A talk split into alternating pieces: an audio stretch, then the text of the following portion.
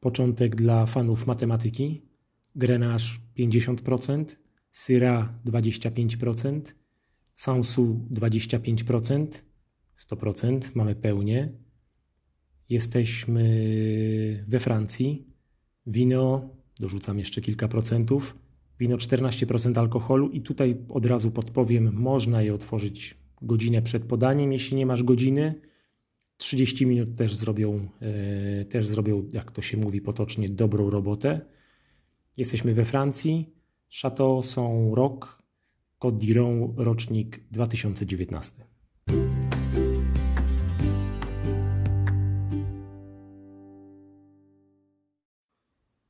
Jesteśmy w sieci M&P, strona internetowa winamyślnik mp.pl. Cena wina na półce 66 zł. Dlaczego podkreślam, gdzie jesteśmy i podaję stronę internetową? Ponieważ to wino udało mi się kupić ze znaczną zniżką. E, kupiłem to wino w tak zwanej cenie festiwalowej.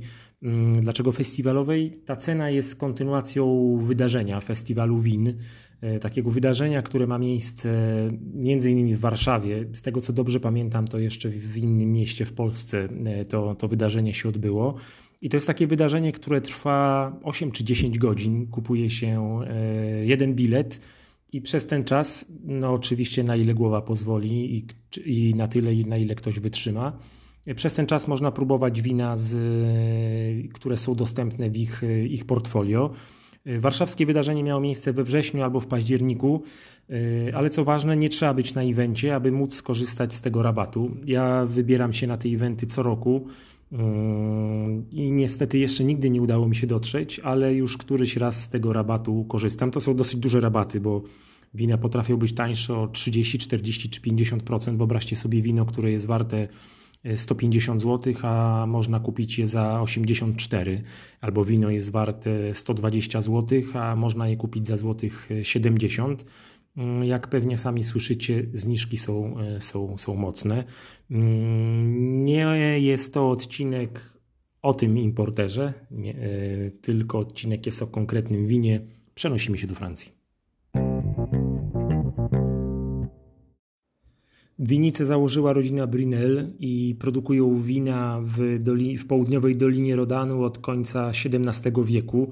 E, nie będę przechodził, pozwólcie akurat e, przy tym odcinku e, przez, przez historię, jak, jak, te wszystko, jak to wszystko się tworzyło. Oni w międzyczasie dokupywali nowe parcele, dzięki temu poszerzali ofertę produkcji swoich win, nie tylko z, danej, z, danej, z danego miejsca, ale z innych, innych regionów. Najlepszym podsumowaniem ich zaangażowania w produkcję wina niech będzie stwierdzenie Roberta Parkera, to jest taki guru winiarstwa na, na całym świecie.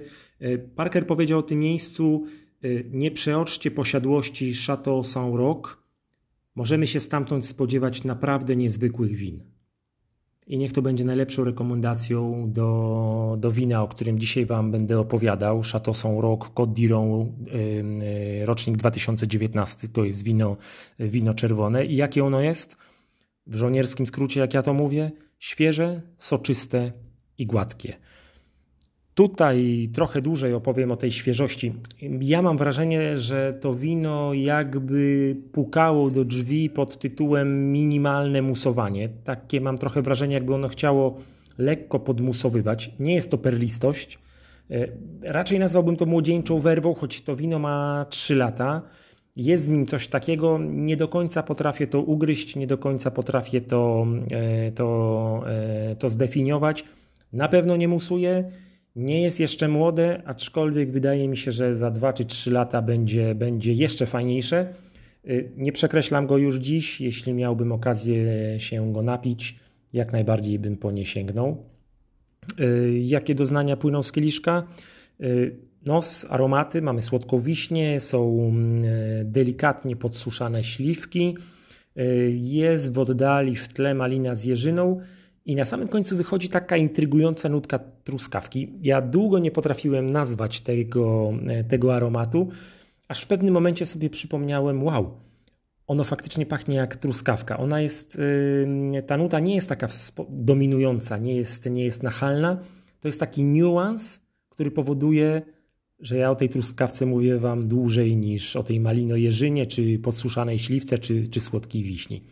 Jak nie jestem fanem truskawek w winie, tak tutaj mi się spodobało. Jest nieco pieprzu i nieco przypraw na, na, na końcu tego wina.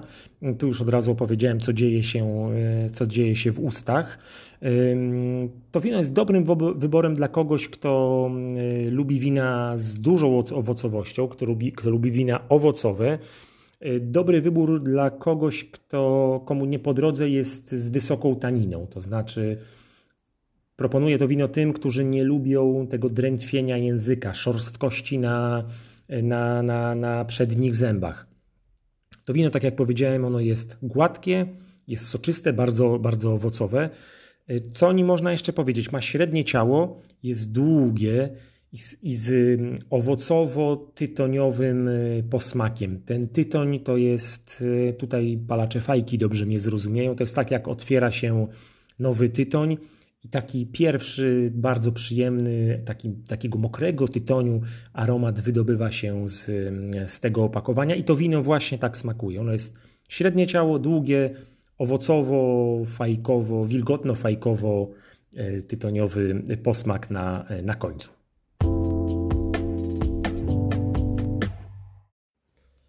Powiem Wam ciekawostkę o Côte niekoniecznie o tej butelce, ale tak Côte e, w, ogólnie.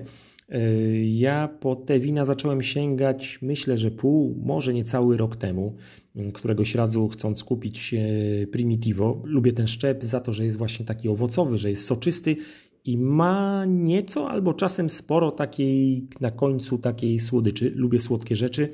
Preferuję rzeczy słodsze niż rzeczy kwaśne, niż rzeczy cierpkie, więc jak słyszycie, tutaj Primitivo dobrze wpisuje się w moje gusta. Mm, ale nie za bardzo wiedziałem wtedy, na co się zdecydować. To, to moje zawahanie chyba zostało wykryte i podpowiedziano mi, spróbuj Côte. Myślę, że spodoba Ci się jego soczystość, jego gładkość. Lubisz, jak jest dużo owoców, jak te owoce skręcają raczej w mm, stronę owoców leśnych, lubisz podsuszane śliwki? Po prostu spróbuj. I słuchajcie, spróbowałem. Dzięki temu E, będąc w sklepie, o której, którego nazwę wspominałem chwilę wcześniej, wiedziałem po prostu po co mam sięgnąć.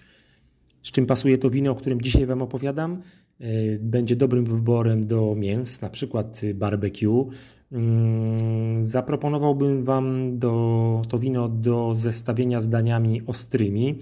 E, będzie to bardzo dobry wybór do serów. Mm, niekoniecznie może do brie i camembert, to są takie sery, których jakoś szczególnie sympatią nie darzę. Raczej to nie są sery mm, niosące moim zdaniem w sobie wiele przygody. Y, tutaj bym Wam podpowiedział do serów, y, których może, które można nazwać po prostu brutalnie mówiąc śmierdzielami i zaproponowałbym połączenie z serem z niebieską pleśnią. To jest ta niebieska pleśń i Côte d'Iron, czy generalnie niebieska pleśń i wina bardzo owocowe z odrobiną słodyczy. E, to jest jedno z moich ulubionych połączeń kulinarnych, nazwijmy kulinarnych. E, jeśli nie próbowaliście, a się dziwicie, dziwicie, spróbujcie. Być może, kto wie, i wy stwierdzicie, wow, nigdy byśmy na to nie wpadli, a faktycznie to jest bardzo ciekawe zestawienie. Dobrze, tyle na dzisiaj. Dziękuję Wam za kolejny odcinek. To był odcinek 112. E, kto wie, dokąd przeniesiemy się w odcinku kolejnym. Już niedługo się okaże. Hej, hej, cześć.